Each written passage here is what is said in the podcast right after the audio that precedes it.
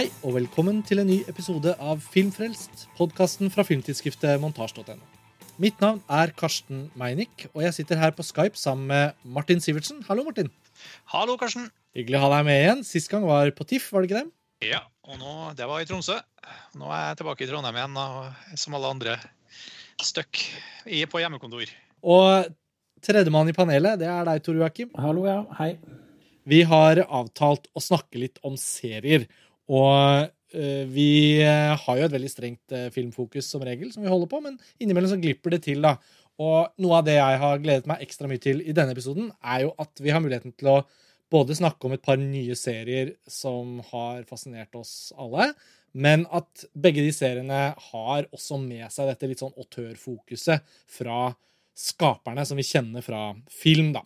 Vi skal snakke om Alex Garlands nye serie Devs. Og vi skal snakke om Tales from the Loop, som er på Amazon Prime, og som har mange forskjellige regissører involvert, men som har Mark Romanek som en slags sånn kunstnerisk leder, eh, og som har regissert piloten. Eh, Mark Romanek, som blant annet har regissert Never Let Me Go. Og Alex Garland kjenner vi jo fra ikke minst Eksmakene, men også Annihilation. Og um, serieformatet har jo da gitt, føler jeg, åpninger for kunstneriske stemmer som vi jo er blitt mer og mer vant til, men som ikke alltid har vært tilfellet. Og Tor Joakim, vi har jo tenkt til å nevne et par andre serier til slutt, men jeg føler det at science fiction-serier det forbinder jeg jo litt med deg. Jeg føler Du er litt sånn altetende, og, og det gjelder jo deg litt òg, Martin. Men var disse to seriene ting som dere gledet dere veldig veldig til og har liksom sett fram til lenge, eller kom det litt sånn brått på at oi, her kommer den? Ja, det, vet du hva det som er så rart? At jeg har fulgt med på Alex Garland. Jeg er sånn superfan av han, så jeg har fulgt med på hans karriere i alle år. Men denne serien kom veldig sånn brått på ut fra venstre, liksom. Jeg, hadde, jeg visste ikke at han drev og utvikla en, en TV-serie engang. Så det er mulig jeg er helt out of the loop, da. No pun intended. Sammen med Tales from the Loop òg. Den eh, visste jeg heller ingenting om. Så det var eh, fine overraskelser. Martin, har du fulgt uh, tett med på hva som var på vei fra disse folka?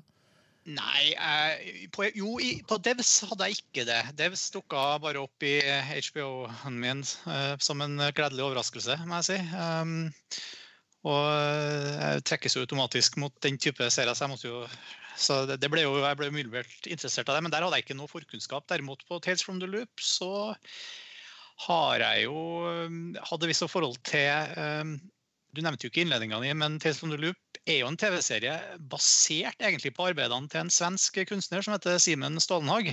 Mm.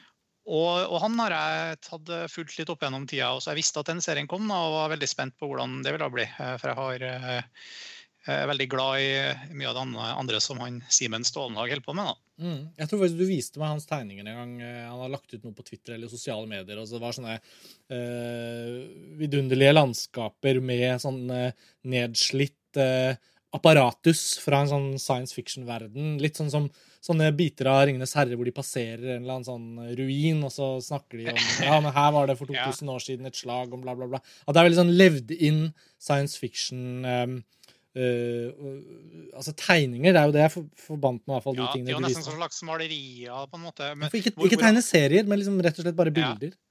Ja, ja og det, det, er jo en sånn veldig 80-talls uh, nostalgisk atmosfære over det. Litt sånn melankolsk. Og så er jeg satt uh, veldig hverdagslige svenske landsbygder. på en måte, Småby-landsbygder blanda med en del sånn magisk realisme, noen gamle maskiner. litt sånn, uh, Han har i hvert fall utvikla sitt eget sånt billedlige univers, først og fremst. da, og det jeg tror også der du har sett det, Karsten, du har jo besøkt meg, der har akkurat begge to vært med og besøkt meg, og vi har vært på Workwork sammen i Trondheim. Nettopp. Det er en sånn kontorfellesskap, og der henger mye av dekorasjonen på Workwork. Det er en hel vegg full av bilder fra Simen Stålenhag, blant annet.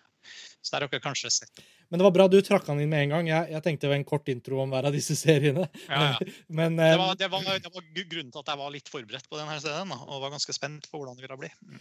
Da koronakrisen rammet, så publiserte vi en artikkel på montasje ganske raskt om at kinoene stenger. Dette gjør at vi også kommer til å vinkle om litt av stoffet vårt. Det blir naturlig nå å være på pulsen når det kommer til eh, rett på strømmingfilmer og ting som eh, skjer av digital formidling av filmkultur osv. Men selvfølgelig har jeg hele tiden sett for meg at vi også må følge serielandskapet bitte litt tettere. Um, og det passer jo på en eller annen merkelig måte da ganske heldig at både Devs og Tales from the Loop er sluppet nå i denne perioden, fordi jeg syns personlig at det er ekstra motiverende å snakke om TV-serier når man kan snakke om noe som er litt nytt, men som også har litt klare kunstneriske stemmer bak seg. da.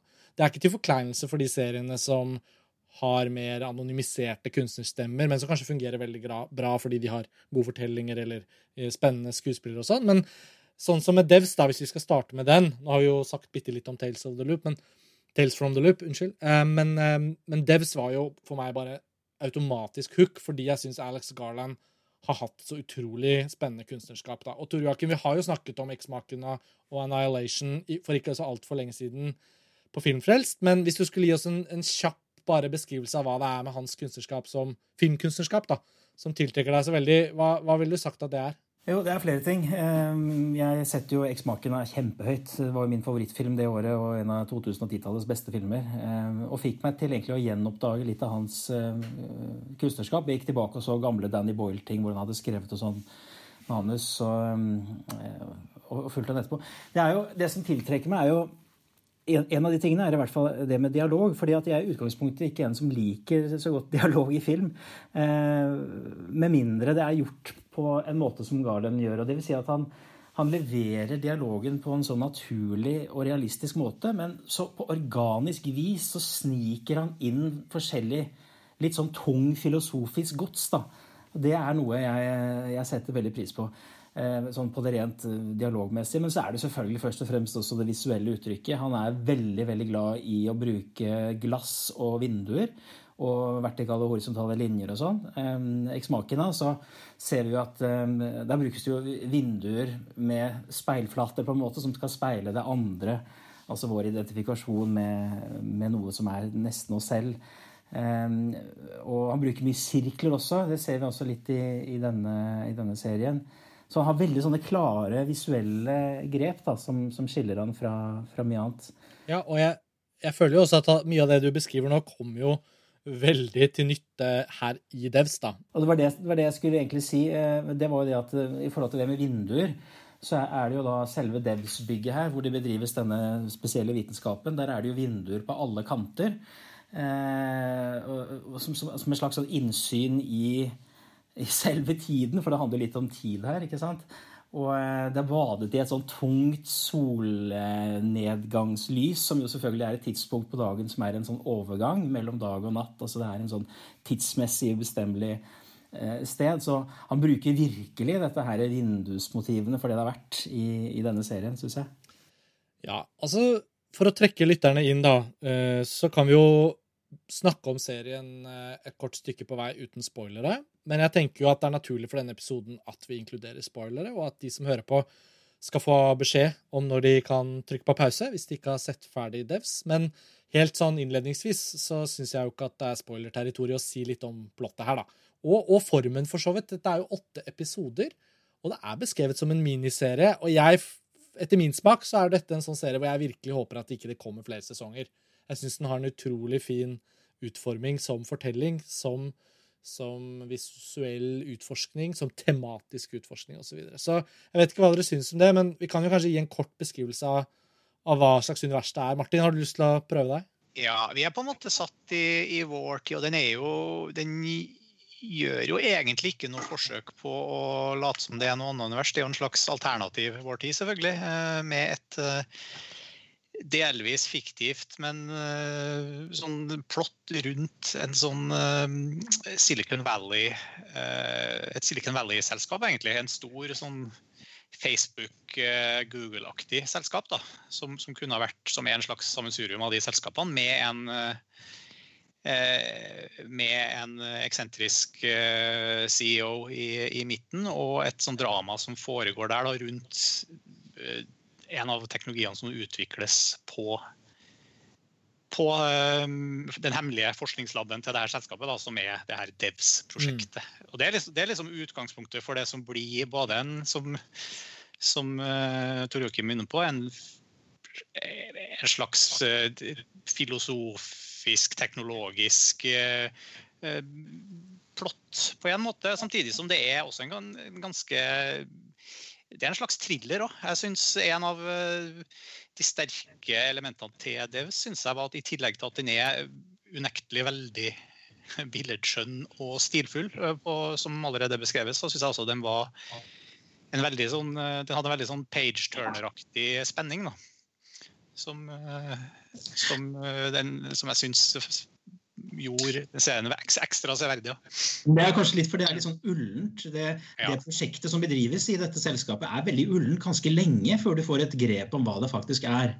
Det er jo et slags thrillerelement bare det i seg selv. da. Ja, og Det som spiller kanskje da inn ved siden av det du har beskrevet nå, Martin, er jo da at seriens hovedpersoner eh, er jo drevet av hun unge som på en måte er den uvitende ansatte i dette store selskapet, som må undersøke eh, en hendelse som er dypt traumatisk for henne, og må finne svar. Og det, det skjer såpass tidlig at hennes drivkraft, nærmest som en detektiv, eller i hvert fall som en form for sånn oppnøsting av et konkret mysterium, blir en veldig god dramatisk nøkkel for å egentlig trekke oss inn i det Garland egentlig er interessert i, som er jo tematisk diskusjon og uh, møtepunktet mellom teknologi og livene vi lever, og det paradokset som oppstår i um, spørsmål som egentlig er store filosofiske spørsmål. Så jeg likte veldig godt hvordan serien balanserte litt sånn klassisk thrillerdramatikk, som du beskriver, Martin, og så plutselig er vi lurt inn i den store filosofiske diskusjonen. Så han klarer liksom å, å, å ha oss uh, veldig sånn uh, under kontroll uh, i hvordan han, han, han, liksom bretter ut det som blir etter hvert en mye større sånn filosofisk dimensjon. Da. Det likte jeg veldig godt. Det var det, var det, jeg prøvde å beskrive i stad, men da brukte jeg bare dialogen som eksempel. Men du har jo helt rett at det gjelder jo hele hans narrative struktur, egentlig. Det er naturlig og realistisk innlevelsesorientert, og så er det sånn, sånn organisk innsniking. Ja, det er sånn trojansk hest, føler jeg. skikkelig. Trojansk hest, ja. Uh, ja, for jeg føler på en måte at han, han, han bygger jo en sånn ganske sånn tradisjonell Ja, han, han, får det til å gå, gå framover, da, ved litt sånn som du sa også, Joakim, at han klarer å balansere det på en eller annen merkelig måte. da, Og få inn så mye kontekst og drodling uten at det på en måte blir utilgjengelig. da.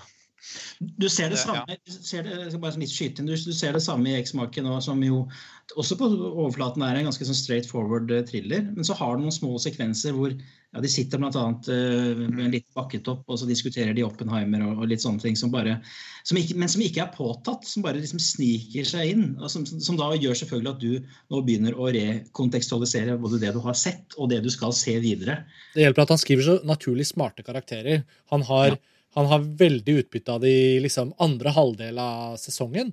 Så får han skikkelig utbytte av at han har eh, fått oss til å tro på at rollefigurene er naturlig smarte. Eh, velutdannede, kloke, smarte folk som jobber i et selskap med high end teknologi, sånn at liksom, de er i stand til å løse komplekse problemer. og, og, og, det blir vi liksom bare litt sånn så vidt introdusert for, men så får det mye større utbytte etter hvert. Jeg syns det er en utrolig sjenerøs um, liksom, kvalitet Garland har. At han er så intelligent og, og fordummer ingenting når det kommer til de store, vanskelige spørsmålene, så er de like store og vanskelige å ta inn. Men fordi han har så sans for for den der innlevelsesdramatikken, sånn som du sier, så, så, blir det liksom i pose og sekk på den beste måten. Da. Og, og jeg vet ikke, herfra føles det unaturlig kanskje ikke å snakke om konkrete ting, så vi kan jo egentlig bare begynne litt med spoilere. Serien ligger på HBO Nordic for de som har lyst til å se den, som nå har hørt på frem til nå og ikke sett. Uh, og det er uh, såpass dramatisk at jeg syns det var nesten sjokkerende hvor fort det gikk på en måte, å se det ferdig. Så det føles liksom som en veldig veldig lang film, eller som en roman, egentlig. da. Um, så hvis dere ikke har sett den, så får dere ta på pause og komme tilbake med podkasten etter dette. Martin, eh, hvis vi skal begynne med noe konkret, hva, hva, hva følte du liksom etter de første par episodene? Syns du den var tilstrekkelig teknologisk eh, filosoferende, eller ble du skuffet av at det var litt sånn krimplott? Jeg må si at eh, jeg ser den vokst veldig på meg. Jeg var litt sånn usikker på hva jeg skulle tro. Det tok et, noen episoder før jeg virkelig på en måte mm, var trygg på at det her var, var skulle si, kvalitet. da. Mm. For å si på den måten, som, som, ofte er en litt sånn risiko når man går inn og begynner å se på en ny serie. Men jeg, jeg, jo, jeg ble jo veldig slukt inn av det, og jeg setter jo veldig pris på denne type tematikk og, og, og setting. og ikke minst. Så, så jeg hadde ikke, ikke, noe problem med å vente i spenning på at neste episode skulle dukke opp. og liksom, er, det, er det torsdag snart, eller hvilken dag det nå var? Og, eh, så, så det, det, skjedde veldig fort. Altså. Og mm, jeg syns jo det her teknologiske aspektet, da, realismen i det, er jo kanskje litt sånn under eh, skulle si, Kanskje ikke så viktig heller, men, men det er jo en, det er en sånn grunnleggende En driver av plottet er jo det herre tanken om at hvis man kan beskrive og simulere og kalkulere absolutt alt i hele universet, ned til minste kvark og liksom ned til minste kvantefunksjonsnedbrytning og alt mulig. Så hvis man klarer det, så har du på en måte en komplett beskrivelse av alt som har skjedd og noen gang vil skje. og Dermed så har du en, en maskin som har på en måte kan, et slags beviset på at alt er deterministisk, og som hvor nåtid og fortid og fremtid sklir sammen i ett. og du har en komplett, altså Den, den dimensjonen av det er, det er en slags eh, magisk maskin i midten her som, eh, som vi i hvert fall ikke er i nærheten av å ha, ha i dag. Det er litt sånn, Fra det perspektivet så, så ser jeg litt på liksom plott her som en slags The Matrix-plott. på en måte hvor hvor det er mye av det samme i telematikken, og det er Lilly som er the one. Og han CEO-en kanskje som the architect eller noe sånt. Og, men jeg følte på en måte ikke at det var noe problem for filmen at det var såpass den her Devs kvantemaskinen var så i hermetegn urealistisk. da. Jeg syns ikke det var noe, gjorde noe, egentlig. Jeg må jo si at jeg leste altså, Jeg var ikke helt uh, presis i innledningen. fordi at når, så fort jeg fikk høre at det var en ny TV-serie, og det var Alex Garland, så før jeg begynte å se, så prøvde jeg da uten å få det spoila, se hva Alex Garland hadde sagt. Og da leste jeg litt om uttalelsen at han var jo veldig opptatt av dette deterministiske perspektivet, at det var det som var eh, drivkraften bak eh, prosjektet. Så jeg gikk jo inn, eh, jeg gikk jo inn i serien med den kunnskapen. og det det gjorde jo at jeg raskere liksom Ja, jeg, jeg slapp ikke å altså Serien ulmet ikke så lenge før jeg forsto hva Devs handlet om, da. For det tok vel fort en fire-fem episoder, ja. sånt, eller kanskje noe sånt, før man virkelig skjønte det? da. Og jeg må jo si det var, ja, Allikevel så var det sånn gåsehudfremkallende øyeblikk for meg når uh, man da i Jeg husker ikke hvilken episode det var. altså Når denne maskinen klarte å gjenskape uh, Jesu uh, stemme mm. fra ja, men, altså, Seriøst, altså det var sånn virkelig mektig øyeblikk, syns jeg, i, i den serien. Ja, jeg, jeg, grunnen til at jeg spurte litt sånn ledende spørsmål til deg i stad, Martin, det var jo rett og slett fordi at da jeg så episode én, og det var liksom en fyr som ble drept, og, uh, og nå må du finne ut av hva det var som var årsaken, og, og, og så disse mystiske liksom, sjefene og så Jeg tenkte åh, dette var ganske sånn konvensjonelt eh, eh, plott. er det påskekrim, liksom? Men det ga seg jo selvfølgelig veldig raskt. Og så er det noe med at Serien har også veldig godt av uh, bare rollebesetningen i seg selv. Det er jo liksom ingen store stjerner. Det er jo hun, hun som spiller hun andre roboten i Eksmakena. Så skuespilleren heter Sonoya Mizuno. Ja. Og uh, her gjør hun en virkelig god dramatisk rolle. Og, og jeg syns i det hele tatt at det holdt meg interessert gjennom første og andre episode at bare Jeg måtte på en måte få litt mer informasjon om hva som kunne ligge bak. Og jeg, jeg, jeg tror liksom at det, det, er litt sånn fare kanskje at episode én er ikke så sterk, og hvis folk er veldig utålmodige, så kan man droppe denne serien etter episode én. Og så er det jo litt også sånn, Apropos rollebesetning og inngang i serien, eh, med Nick Offerman da, i, som denne gale si, eller eh, mystiske CEO-en. Altså Mange, inklusive meg, oppdaget han og ble glad i han via Parks and Recreation for noen år siden. Og her så gjør han da altså ja, Han er ikke samme rollefigur, men han viser et mye bredere spekter her, da. Ja, jeg, jeg, har ikke sett noe særlig til han før, jeg, men jeg forbinder han med film, komedie, biroller. Og så har jeg bare lest at han var i den serien. Jeg har ikke sett noe av den, da, men, men han gjør jo en god rolle her. Han er jo etter hvert mye mindre en sånn gal, eksentrisk leder enn han er bare en veldig sorgtynget person. Da. Og jeg synes jo Når den dimensjonen blir tydelig, så vet man jo hvor man har ham. Og at han ikke var en sånn uttalt bad guy, eh, hadde jeg veldig sansen for. Da. Uh, samme med hun uh, sidekicken. Ja, det, ja, hun sidekick, men jeg skal si, altså hun Alison Pill, er det vel hun heter. Ja. Eh, som også har en, som også har en veldig popularitet om dagen. Og spiller i flere sånne sci-fi-serier, bl.a. en Star Trek Picard og sånn.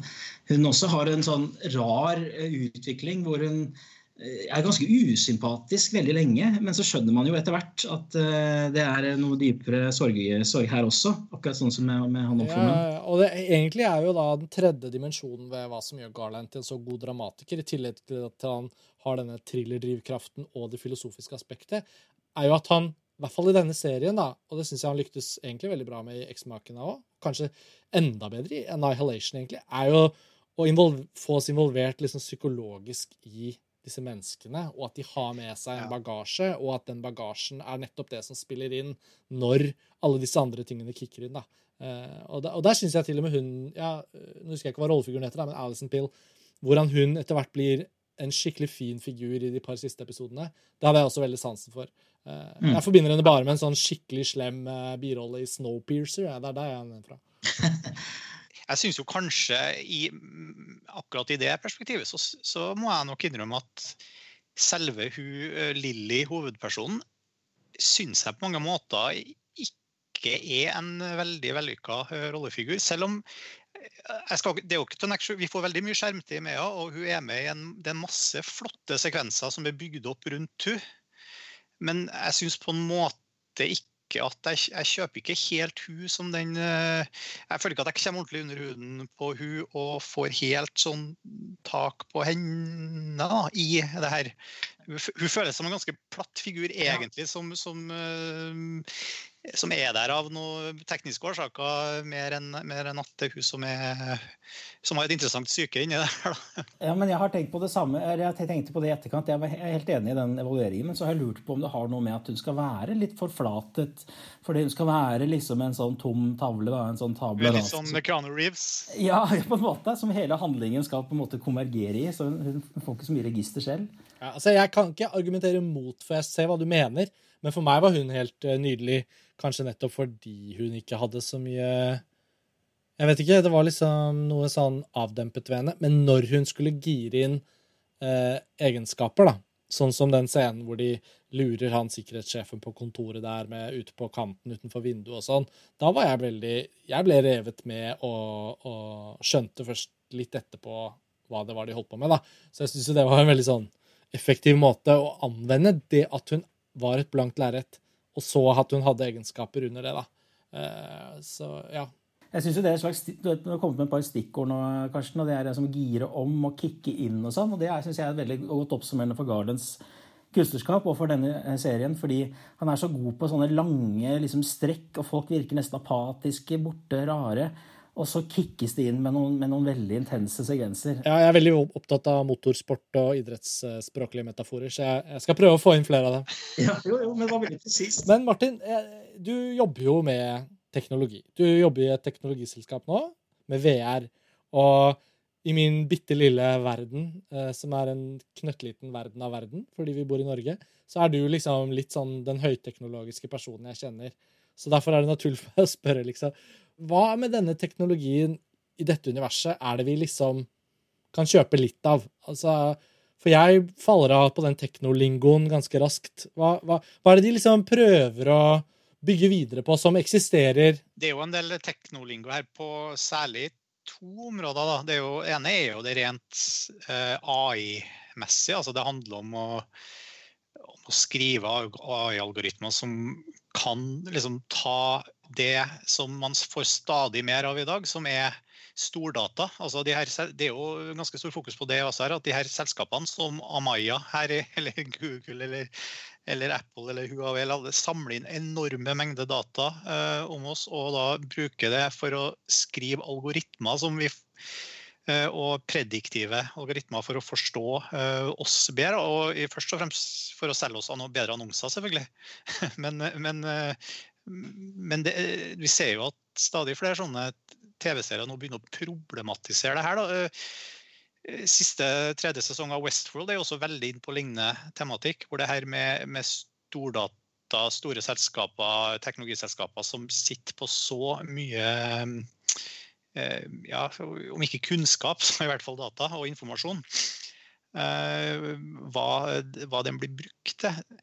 Eh, og så, så har du den andre liksom, teknologi Eller den andre, hva kalte du det, sjargong Techspeak-dimensjonen er jo på det som går mer på, på kvantefysikk og forskjellige interpretasjoner av det. Uh, og, hva, og, hva, det har å si for parallelle universer eller ikke, eller determinisme og, og fri vilje. Jeg føler også at dette er liksom tema som blir lefla med ganske mye i serien, her selvfølgelig, og som blir, blir tatt opp mye. Men det slo meg egentlig når jeg satt og så på det, at egentlig så Ja, det handler litt om fri vilje og determinisme og kvantefysikk, men, men samtidig så er det et også ganske stort tema her at, at det handler om hvordan de her nye si, altså, si, Sånn som han Forrest, da. De nye teknologigudene er litt sånn som oldtidens greske guder. Eh, de er drevet av veldig sånn eh, primale menneskelige drifter og følelser og plager. Det er liksom eh, sjalusi, eller det er om å bli elska, eller det er tilgivelse for noen synder, eller det er en måte å forsone seg med ting som er ubehagelig, angst altså,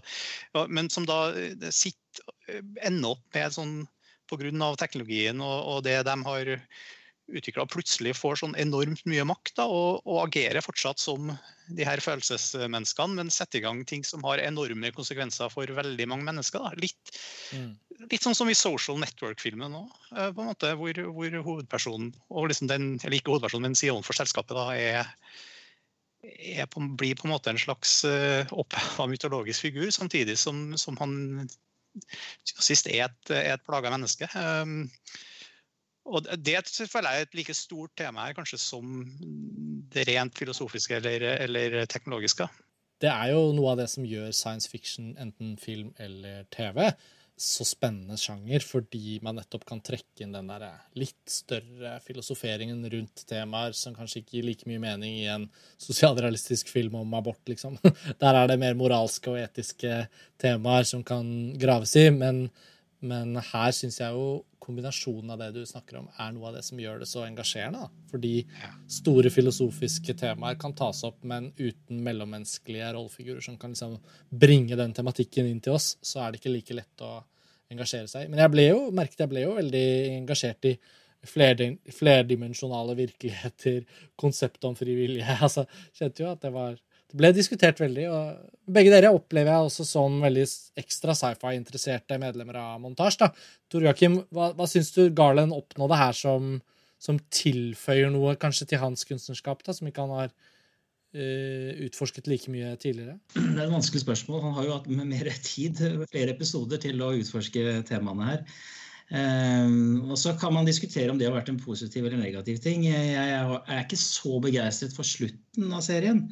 Eh, som er litt sånn Matrix. altså Der, der har jeg litt, eh, litt, problemer. Så han, han er egentlig best når han kan få lov til å bli ganske sånn abstrakt og rar på slutten sin. Eh, det var nesten litt antiklimaks, syns jeg. Ja, det var litt sånn, altså, det var veldig utypisk. For det, altså, den fantastiske avslutningen av Annihilation, som er en slags sånn musikkvideosak, nesten.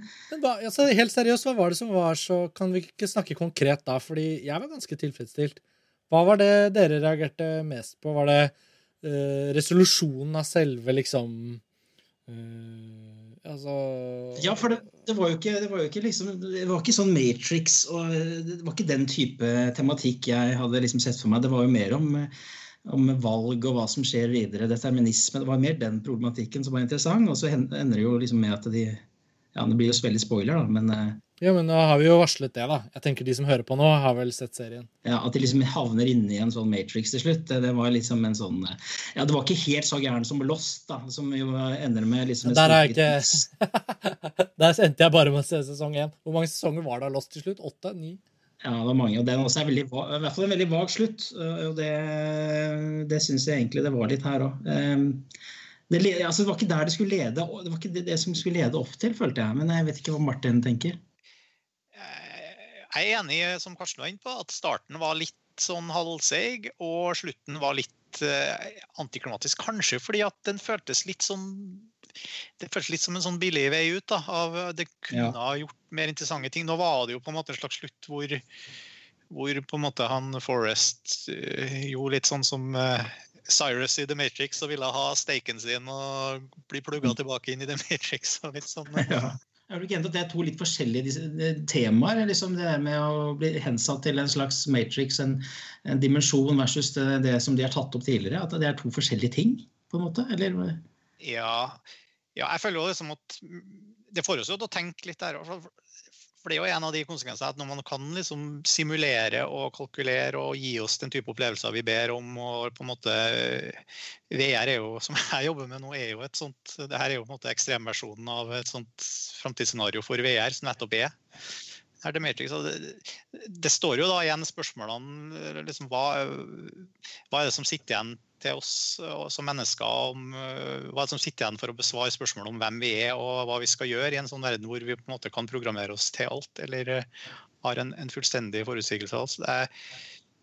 Så men ja, jeg hadde liksom, i likhet med deg tydeligvis, ønska at det hadde vært noe annet. Da, for det føles litt som en slags sånn uh, klisjé egentlig i denne type sjanger. At det var litt sånn. Det er denne sjangeren som rir ned i solnedgangen, på en måte? Ja. For jeg likte litt uh, det, da. Kanskje det var fordi jeg var så jeg var så klar for at Lily liksom skulle få en eller annen form for Og ikke minst Forest. da, Jeg var, var, på en måte klar for at begge de skulle få en eller annen form for balanse. Det var en sånn ekvilibrisk slutt, hvor de på en måte kunne kunne starte på nytt innad i noe. Men jeg ser jo hva dere mener, selvfølgelig. Men jeg tenkte ikke på det før dere nevnte det nå. Men samtidig så er det jo en sånn det er på en måte mindre tilfredsstillende enn slutten i The Matrix. Også, hvis du var inne på det, hvor, som, som måte, hvor, man, hvor, det er en slags fusjon mellom de her som har drevet krig gjennom ja. tre filmer, uh, og går opp i en slags høyere enhet. Mens her er det på en måte ikke det som skjer. Her man måte, blir man bare sugd inn i inn i illusjonen og, og, velge den behagelige måten å dø på. på en måte. Ja. Med mindre det kommer en sesong to, da. Det vet vi jo ikke. ja, det var det. Jeg, eh, jeg syns TV-serier skal ha så få sesonger som mulig. Og jeg elsker det når det er avsluttet. Eh, bortsett fra Game of Thrones, da. Jeg skulle ønske det fortsette i evig tid. Neida. Men, eh, men jeg syns Davis Jeg syns slutten var bra, jeg. Må innrømme det at jeg skjønner poengene deres. Men for meg var det veldig tilfredsstillende at etter de åtte episodene, etter den lille reisen For den er ikke så episk. Den er veldig sånn kammerspillaktig i sin sånn Det er liksom San Francisco, og så er det det hovedkontoret, og så er det den der stien gjennom skogen, og så er det liksom Debs. Det var noe begrenset over det som jeg kjente at uh, matchet godt med slutten, på en eller annen måte. Det er jo veldig galen, da. Ja, nettopp.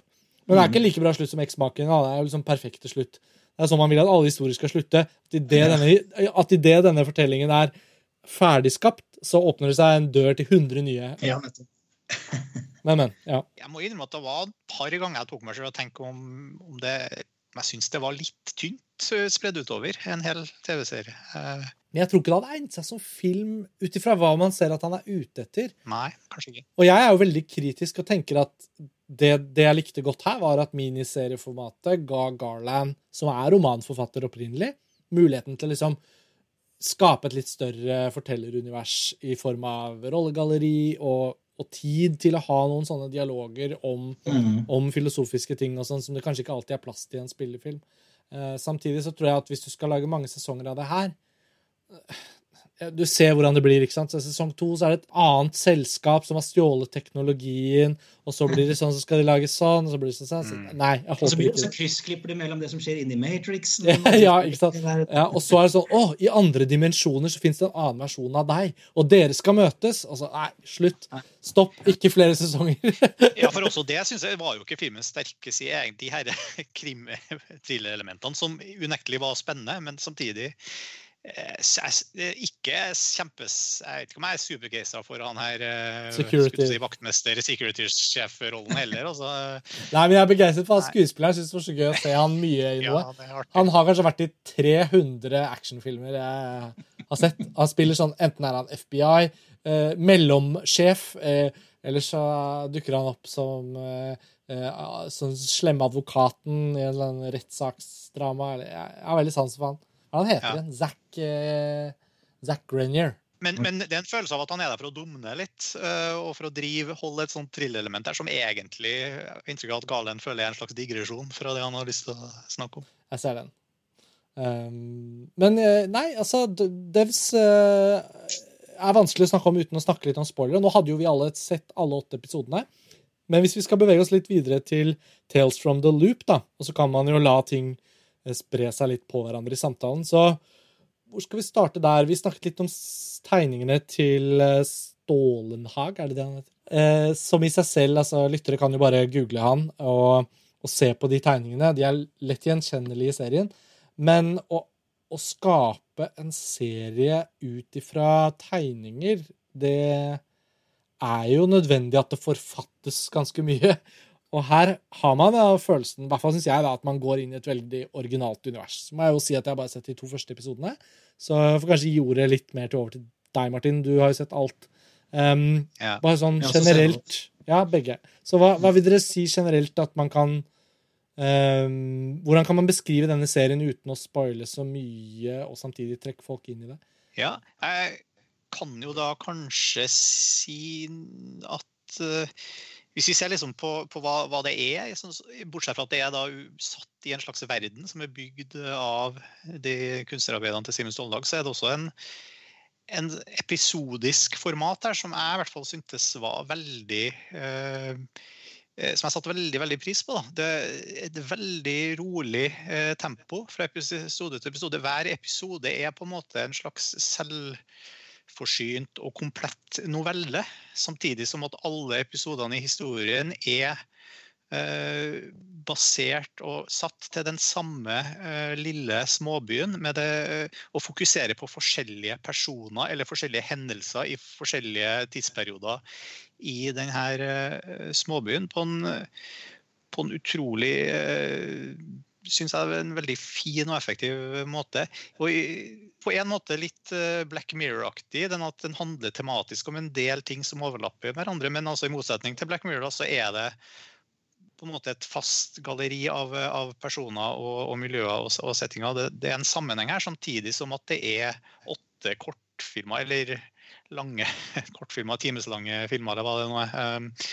Som, eh, som, gjør det Det har blitt trukket flere sånne sammenligninger til at det er en slags moderne Twilight Zone. Og, sånt, og det er jeg egentlig ganske enig i, fordi at alle de her temaene som er utforsket, er liksom alltid over grensen til det fantastiske. Eh, samtidig som at det handler om veldig da, eh, altså veldig menneskelige tema. Da, er med masse masse tid til kontemplasjon, fordi at den tar seg så god tid og dveler så mye med, med utrolig vakre bilder og flott stemning, syns jeg. Så, jeg, kan jo bare si sånn ting da, i opptaken til denne serien her, som jeg tror kanskje mange tenkte på da de fikk nyss i at den serien her eksisterte kom, var jo om det, om det var en slags uh, skuri på bølgene av Stranger Things, på en måte. Som også har en sånn lignende type 80-talls nostalgisk setting satt i en småby. Og sånt. Og det var det jo veldig gledelig å bekrefte at det er det ikke. Telephone Group er sin veldig egne, originale eh, ting, uh, sak. da. Jeg føler jo at det er en, en, sammensetning eh, og Du har vært inne på nesten alt sammen. alle mine punkter her, Martin.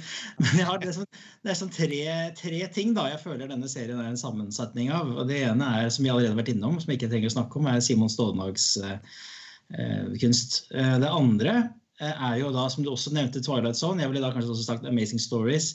hvor forskjellige historier er altså En antologiserie hvor man da tar for seg sånne basic temaer som bytte kropp og andre dimensjoner og fryse tid og alt dette her. Trading places-aktige ting og sånn. Det er det andre. Og det tredje er jo Og der er jeg litt uenig med deg, for Stranger Things jo, har jo en helt klar Eh, John Carpenter og Stephen King-vibe. og Stephen King er det også veldig mye av i denne serien. Det er et småbyliv i Midtvesten kanskje et eller annet sted, hvor noe rart skjer. At det er en form for uh, institusjon der som driver noe rart. Altså, du har Stephen King-serier som Under the Dome og Castle Rock og Haven. Eller sånn inspirerte ting som Wayward Pines. Alt dette her føler jeg er dytta inn i, i dette her, uh, som er for meg for så vidt en pluss og et minus. Det kan vi kanskje komme tilbake til, men jeg mener at Stålenhags kunst jo, har jo den sterke kraften fordi det er disse rare sci-fi-tingene satt inn i en sånn svensk sosialdemokratisk setting. og det, det er ikke så lett å oversette til en amerikansk eh, setting. Den mister litt sånn momentum der når det blir eh, litt sånn Stephen King light. Da. Eh, det er en av et par sånne utsettelser, hva heter det? Et par sånne innsigelser, heter det, jeg har til denne serien. Jeg kan komme inn på det en annen ting etterpå, men det var mine tre sånne punkt om hva denne serien var. Hva syns du, Karsten? Ja, jeg, jeg, skulle til å bare Jeg tenker på, jeg hører på det dere sier. Jeg, jeg syns antologifilm og antologiserier ofte er veldig spennende. Um, jeg har kanskje ikke så stort hjerte for sånn kinofilmer bestående av 17 kortfilmer regissert av 17 forskjellige regissører som prøver på et eller annet og sånt. Men når det er antologiserier som har en følelse av å lese en sånn samling fortellinger som kanskje har en del til felles og sånn, da. I dette tilfellet føler jeg jo at de to episodene i hvert fall som jeg har sett, de utspiller seg jo i den samme verdenen, med rollefigurer som overlapper hverandre. At ja, det er forskjellige historier, men de har jo noe med hverandre å gjøre, og det er mystiske ting som alle forholder seg til i bakgrunnen. og um, Jeg ble veldig trukket inn. Er det, er det flettverk, syns du, Karsten? Er det sånn flettverk? Ja, altså Basert på to episoder så opplever jeg jo at det er kapitler av samme eller kapitler med forskjellige fortellinger fra samme univers. Jeg opplever jo at andre antologiprosjekter kan jo ha helt sånn usammenhengende tilkoblinger, da. At uh, Ikke sant. Hva er de mest kjente antologifilmene på kino, da? Den er uh, Det var jo en kinofilm om 11. september, for eksempel, hvor det var masse forskjellige kortfilmer. Og, og, og den, den, kom så kort tid etter 11. september-hendelsen at halvparten av de kortfilmene var jo bare sånne politiske melodramatiske utsagn. Men, men, sånn som den Paris Je var det den het? Den første som er sånne byantologifilmer hvor man liksom elsker byen, da. så er det New York, I love you, og så er det Berlin, ich liebe dich, hvem vet. Men den Paris Je den, den, hadde jo en struktur som var sånn OK, skal handle om Paris, og hver filmskaper får et arrondissement, som er jo bydeler i Paris, og så skal man utforme en kortfilm ut fra det. Det fine med den var at hver regissør hadde veldig forskjellige fortellinger og visuell approach. og alt det der. Men fordi Paris er enheten som samler det hele, så ga det jo litt mer mening. Den ga jo en geografisk og, og visuell mening. Og det var gøy å se fotografer som skjøt i svart-hvitt i 4-3 for én regissør, og så noe helt annet fra en annen regissør, fargesprakende. Det var jo sjangerlek, det var alt mulig. Mens i dette tilfellet, på Tales from the Loop, så så opplever jeg jo at i løpet av de to første episodene så kjenner jeg at dette er samme verden, det er samme estetiske tonefall, men menneskene som er en del av dette litt sånn småbyuniverset, de skal få sine fortellinger fortalt. Da vet jeg ikke om det opprettholdes i de neste episodene, men Ja, det gjør det. Det, det henger veldig godt sammen på den måten. Ja, det likte jeg, og da har jeg enda mer lyst til å se videre, da. Eh, jeg har allerede skjønt at jeg har lyst til å se ferdig denne første sesongen. Men dette er jo sånn typisk serie hvor jeg foreløpig i hvert fall tenker at her kan det fint komme mange sesonger. Ja, det kan det, men eh, det er også eh, ja, jeg, nå, Nei, jeg skal ikke Men det, det er også et, litt, et litt irritasjonsmoment her eh, for meg. Skal du komme med noe surt nå, Tor Joakim? nei. nei, men det, det er bare det at jeg har problemer ofte når det er filmer eller TV-serier hvor man skal være så veldig statisk og langsom, for den skal være så menneskelig og nær. Så bare ender det opp for meg med å bli sånn irriterende apatisk og nesten sånn pretensiøs til tider. Mm. Og det skjedde flere ganger i løpet av den serien, selv om jeg syns at konseptene for hver episode var, var morsomme og interessante. Jeg vet ikke. Det er et eller annet der som uh, skurrer for meg på et biologisk nivå, tror jeg. ja. Eh. altså, uh, nå vet jeg, husker jeg ikke om du og jeg har hatt noen samtaler om Wendy uh, ja, nå skulle jeg til å si Wendy Reichard. Altså Wendy, Wendy and Lucy Kelly Reichard. Hennes filmer. Ja, den liker jeg jo faktisk, da. Ja, ok. Ja, fordi jeg føler at Tales from the Loop var som en sånn science fiction-serie regissert av Kelly Reichardt, Bortsett fra at hun ikke er med og har regissert noe av den. da. Men, men hun har jo veldig sansen for.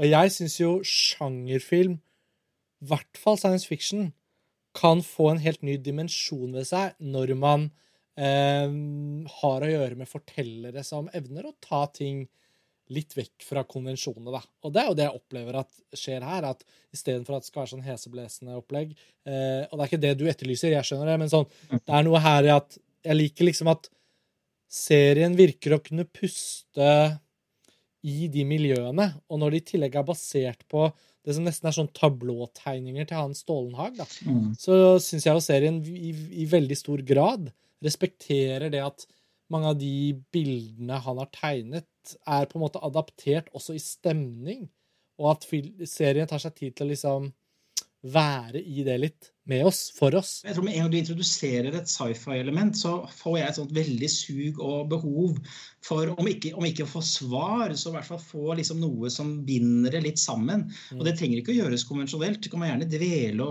i, i, i, disse nivåene. Jeg elsker jo opplevelser av sted og stemning. men men det utforskes i veldig veldig liten grad i, i denne serien. Det, det, og det var et sånt frustrasjonsmoment for meg, tror jeg. Um, fordi det var sci-fi-element her.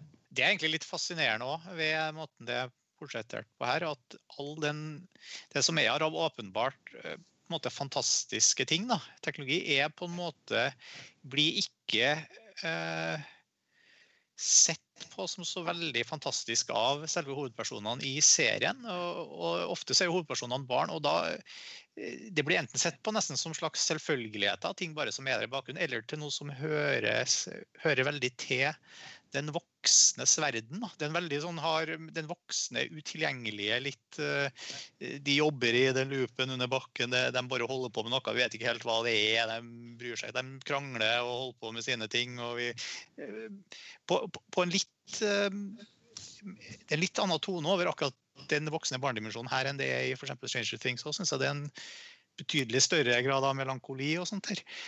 Hvis jeg skulle ha en sånn inn innsigelse etter måten de har løst noe her på. Da.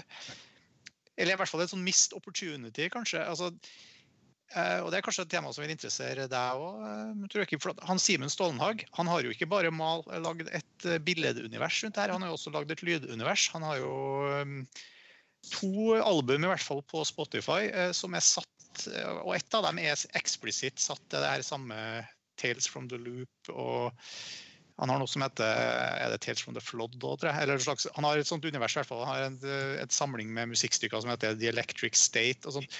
Veldig flott musikk. Litt sånn Vangelis-inspirert, men også veldig eh, melankolsk over seg. Mens jeg føler at soundtracket i denne serien var noe av det som skuffa meg litt. For jeg syns det var så konvensjonelt. på en måte. Det er, noe sånn ja. det er jo en egen liten lite innspill her. For det musikken ja. er skrevet av selveste Philip Glass ja. i samarbeid med han Paul Venner Morgan. og Um, og Det er jo litt rart, for Philip Glass er jo en av de mest innflytelsesrike komponistene som lever i dag. Og, og, men her prøver han faktisk å ligne litt på Max Richter, for eksempel, da, som jo er selv inspirert av glass. Så det er litt sånn Ja. ja. Det, er, det, det, var, det, var, litt sånn, også litt insisterende, irriterende for meg, husker jeg til tider. Ja, det syns jeg faktisk. Særlig når jeg visste at det var mye mer interesse Altså at man kunne gå til kilden der da kanskje finne Kanskje, de, no, det, kanskje var noen veldig sånn produsentaktige avgjørelser der som tenkte at det ville bli for sært og for uh, ja, men hvis du får Philip Glass og han sier ja, så sier du jo ja til det. liksom. Det er jo klart det. Jeg skjønner det. Du skjøt inn at det må være vanskelig å skrive en TV-serie basert på noen malerier. Mm, Karsten. Eh, jeg må bare skyte inn at, eh, som en sånn liten fun fact at Hans Stålnag har jo også vært involvert i Det har blitt utvikla et rollespill eh, basert altså sånn type Dungeons and Dragons-aktig pen and paper. Det er morsomt. Rollespill basert på verdenen til Simen Stålenhag. Og, der er det jo utvikla ganske mye eh, skriftlig og billedlig og verden. Det er gjort veldig mye verdensbygging der, da. Ved å bygge opp sånne småstadsmiljøer eh, i Sverige og i USA hvor man, som er satt til verdenen til Simen Stålenhag, hvor det er lagt opp til mysterier og eventyr og ting man kan spille i de her rollespillene. Og, og jeg er nok, blir veldig overraska om ikke serieskaperne også har latt seg inspirert av mye der. Um, og, og funnet mye kildemateriale der òg, som har gjort det lettere å på en måte komme i gang med en sånn serie. Ja, altså, eh, det høres jo veldig kult ut, og noe av det med verdensbyggingen er jo nettopp noe av det jeg føler jeg kan se, nesten. Eh, eller uavhengig av om man vet at det er mange andre ting som ligger bak, så tror jeg man merker det. Eh, jeg så det med samboeren min, og Jeg tror hun um, umiddelbart responderte veldig. Jeg hørte det jo på henne, kommentarer til hva vi så på, at det var fascinerende hvordan balansen mellom en klar hovedperson og en dramatisk fortelling hele tiden fungerte i sam ko koeksistens med disse miljøene. da. Skogen og forlatte roboter som står litt sånn ved siden av trestolpene. Alt det der er veldig, mm. veldig innbydende, og det kommer jo åpenbart fra Hans Stålenhag. da. Og det, og det, å vite at det da er en ekstra verden, eller at det er jobbet med et rollespill, og at det er masse detaljer der. Er, med fare for å lage en altfor uh, vanskelig sammenligning å leve opp til. da. Det er jo noe av det som er så fantastisk med Tolkien. Mm. Ja, uten sammenligning for øvrig. ja. My, mye verdensbygging. Ja. Nå skal, jeg skal jo sies at eh, til tross for at jeg er kritisk til denne serien, så var jeg veldig glad i Og jeg skal ikke komme med noen spoilere, for jeg vet at Karsten er ikke kommet så langt, men jeg likte veldig godt nest siste episode. Og den var regissert av uh, Ty West, som jeg jo er glad i. En av de mest spennende horrorregissørene om dagen. House of the Devil og The Innkeepers og sånn. Den episoden likte jeg godt. Og det er veldig rart, for det er også den mest utypiske episoden da, i, i i serien, så det var sikkert derfor. Det var en av de mest corny episodene, på en måte. Ja. Ikke sant? Der ser vi hvordan det var litt sånn forskjellige Jeg så at han hadde regi på én episode, så jeg var nysgjerrig på hva som kom til å komme. For jeg må jo, Det er jo litt artig du skulle si det, for det, det er jo, vi har jo vi, ja, vi er tydeligvis ikke helt på samme bølgelengde når det gjelder akkurat det. For det var jo en av jeg skulle ikke si en av de episodene jeg mislikte mest, men det var en av de mer uh, utfordrende episodene, syns jeg. Men uh, jeg, jeg, likte alt, altså. Jeg må si det. Jeg syns ja. uh, satt veldig pris på Jeg syns også det, den var minst like interessant som Devs i det å tematisere identitet og, og fri vilje, på en måte. Og, også. Ja, altså Allerede i episode én så får man jo et plott eller en vri som minner om Devs. Likte veldig godt det, den vendingen i episode én. Så her var det jo en pilot som virkelig trakk oss inn, som jeg i hvert fall tenker at de fleste kommer til å respondere med å ville se en episode til. Mm. Men Tales from the Loop den eh, er jo å se på Amazon Prime. Det er jo også en sånn abonnementsbasert strømmetjeneste. Eh, hva annet har dere sett som har vært å nevne? Eh, dere har jo hørt meg i noen episoder snakke om en del forskjellige filmrelaterte ting. Eh, etter koronaens tid kicket inn, da. Uh, har dere noe annet uh, Tor Joakim, jeg vet at du har fulgt med litt på Amazing Stories-remaken på Apple TV Plus. Ja. Uh, det, der skulle det jo egentlig vært sånn jeg har skjønt, produsert ti episoder, uh, men det er bare fem som har gått på lufta. og Det blir sannsynligvis også kun fem episoder. Det er kanskje koronating som har gjort at det ble bare fem. da. Jeg vet ikke, jeg er ikke helt sikker på, på det. Men ja, det er absolutt en serie jeg måtte se, for det er fra min barndom. originalserien. og jeg måtte se hva dette var for noe, og det var overraskende hvor nær den lå originalserien i sin uh, utførelse. Uh, ja, For dette er en remake, er det ikke det? Ja, det er jo ikke en remake av enkeltstående episoder. Det er nye, nye fortellinger. På en måte High concept-ideene. Vi snakket litt om det i stad med loop, at det er liksom byttekropp og andre dimensjoner og reising i tid. og Uh, tegneserieting, og så er det noe Cocoon og Invasion of the Body Snatchers-ting. Altså det er, det, er, det er veldig sånn Bortsett fra episode to, som er, føles mye mer moderne. Som handler om et forhold, eh, romantisk forhold mellom to jenter eh, hvor den ene dør tidlig i episoden, eh, som var veldig bra. beste. Så er den veldig sånn retrospektiv, altså. Mm. På godt og vondt, da, må jeg si. Det er ikke noe, det er ikke noe på det visjonære nivået for verken Devs eller må jeg også for så vidt innrømme Tales from the Loop. da. Så den er lettere til bens. Er det for barn, eller er det for jeg skulle til å si det er jo for, ja, det er for, hvert fall for voksne som oss, da, Martin, som er ja. den generasjonen. Nå skal det sies at jeg, jeg, kan ikke huske at jeg så originalserien på TV i 1985. Eh, av en eller annen grunn, vet ikke om det ble vist på norsk TV engang, men jeg så den da den ble gitt ut på DVD i 2005. Um, men så er det veldig nært forhold til musikken og bla, bla, bla. Men, eh, men eh, det, så det er nok for nostalgikere for oss uh, og for unge mennesker, da. Mm. Men det, var, det, er en sånn som jeg bare liksom måtte se av jeg ser jo alt uh, som er av science fiction-serier fra 90-tallet og fremover. Jeg er sånn besatt av det som en sånn mission in life, å se alt som, alt som kommer. Det er greit å vite, i hvert fall, for da kan man alltid spørre deg Tor Joakim, om det er noe liv i sjangeren. Jeg er særlig imponert over uh, Stargate og Doctor Who. Uh... Ja, det er gamle, gamle, gamle ting. Men gamle ting. Ja, det er masse nye. Jeg skal ikke rekke gå inn på det, men det er jo sånn zombieserie Black Summer og det er Dark, den tyske serien Det er Into the Dark, som er en sånn antologi-horrorserie produsert av uh, Blomhouse-folka. Ja, den tror jeg har sett traileren til. Det er jo hver, hver, episode er basically en spillefilm på 90 minutter. Så uh, den er veldig Der er det veldig variabel kvalitet, da, men interessant. Hvor vises den? Hvor vises den? Du spør så godt. Er det Netflix? Nei, det er ikke Netflix. Er det Hulu, tro. Jeg husker ikke farta. Mm. Og så er det jo mange andre, ja. Marianne, horrorserie, fransk Netflix, Night Flyers uh, uh, Han George R.R. Martin. Du vet, Martin, hemmeligheten til Tor Joakim er at uh, han lever i to dimensjoner samtidig. Så i stedet for 24 timer i døgnet Han har 48 timer, han. ja, for jeg må se filmer òg. Ja, veldig imponert. veldig imponert. Akkurat nå ser, ser 18 andre versjoner av Tor Joakim forskjellige serier. ja. Men avslutningsvis, Martin, så sånn ser, seertid og seertilgjengelighet Har det endret seg noe for deg i koronaens tid? Det, føler du at du liksom har sett mindre eller mer, eller har du mer eller mindre ro til å sette deg inn i ting? Jeg Verken mer eller mindre. Jeg ser generelt altfor lite film og TV-serier for tida. Føler jeg til å henge med ordentlig. Det er kanskje derfor jeg ikke er med på så mye Filmfrelseepisoder lenger heller. Så hvis det, hvis det, går noen måneder mellom hver gang, så rekker jeg å samle opp litt inntrykk. Hyppigheten i 2020 er jo allerede nå bedre enn i 2019, da. Det kan du si. Som sagt, jeg følger jo med på Westworld, som også er i sci-fi. Ser et par andre litt sånn mer ikke-sci-fi-serier sammen med min kone, men ellers lite, altså. Jeg har jo også barn som, som, som, forlanger en slags oppdragelse i filmer, så det er jo ser mye filmer har skjedd før sammen med dem nå. Det er gøy. Det er veldig gøy. Men for en som falt av Westworld etter sesong én, mm. og jeg syns sesong én var kjempebra Av en eller annen grunn så kom det aldri noen inspirasjon til å se sesong to, og nå på sesong tre så kjenner jeg at nå blir det for langt tilbake. Kan du bare kort, uten spoilere, fortelle meg noe om uh, ja. hva du opplever? Det blir jo veldig, veldig subjektivt, selvfølgelig. Men uh, nei, sesong to syns jeg var fryktelig uh, rotete og forvirrende. Um, og jeg ga meg lite Jeg, i likhet med deg var veldig begeistra for sesongen. Um, og gleda meg ikke fantastisk mye til sesong to da han kom, men jeg følte at jeg måtte se det. Og jeg har det litt på samme måte med sesong tre nå.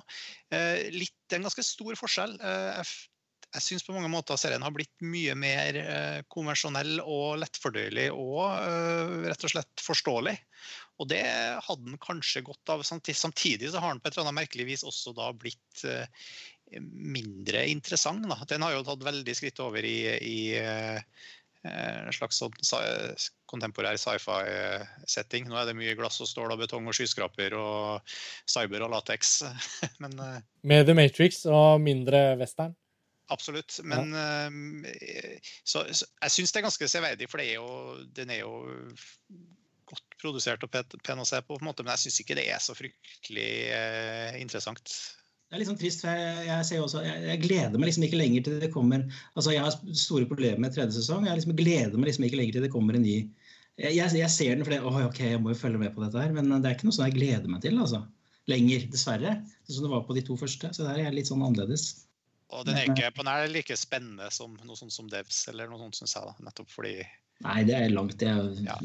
unna. Den, den, har jo alltid mangla et slags driv og fokus, og det, det særlig i sesong to, følte jeg. Eh, du solgte det ikke helt inn?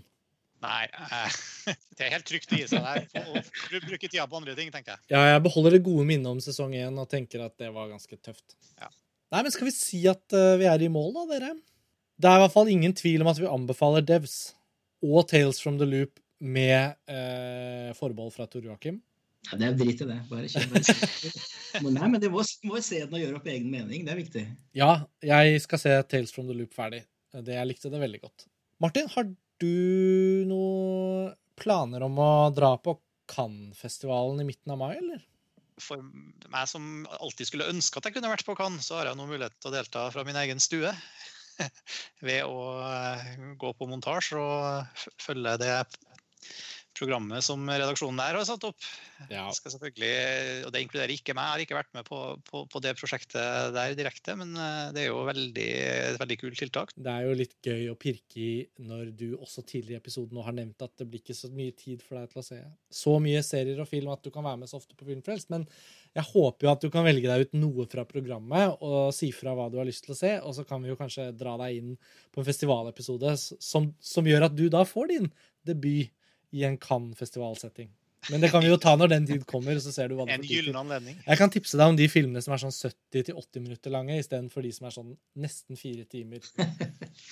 Du vet, det, det er noe merkelig greie. Det er ikke nødvendigvis at det har med tid å gjøre heller. Man bier seg inn på TV-serier som varer ti timer. på en måte, Så Det er et moderne paradoks. det er det. OK, dere. Skal vi, eh, skal vi takke for nå? Uh, Som vanlig, Filmfrelst-lyttere, vi er jo veldig takknemlige for at dere henger med og hører på våre episoder. Som dere nå skjønner, så trommer vi snart i gang med Kan-dekningen. Men eh, det er noen uker til ennå, så det er mulig det kommer andre episoder med andre temaer før vi reiser til den virtuelle croisetten. Eh, og i mellomtiden så kan dere da se Alex Garlands Devs på HBO Nordic og Tales from the Loop på Amazon Prime. Martin Tor Joakim, ha det bra. Vi snakkes snart igjen. Det. Ha det. Ha det. Ha det.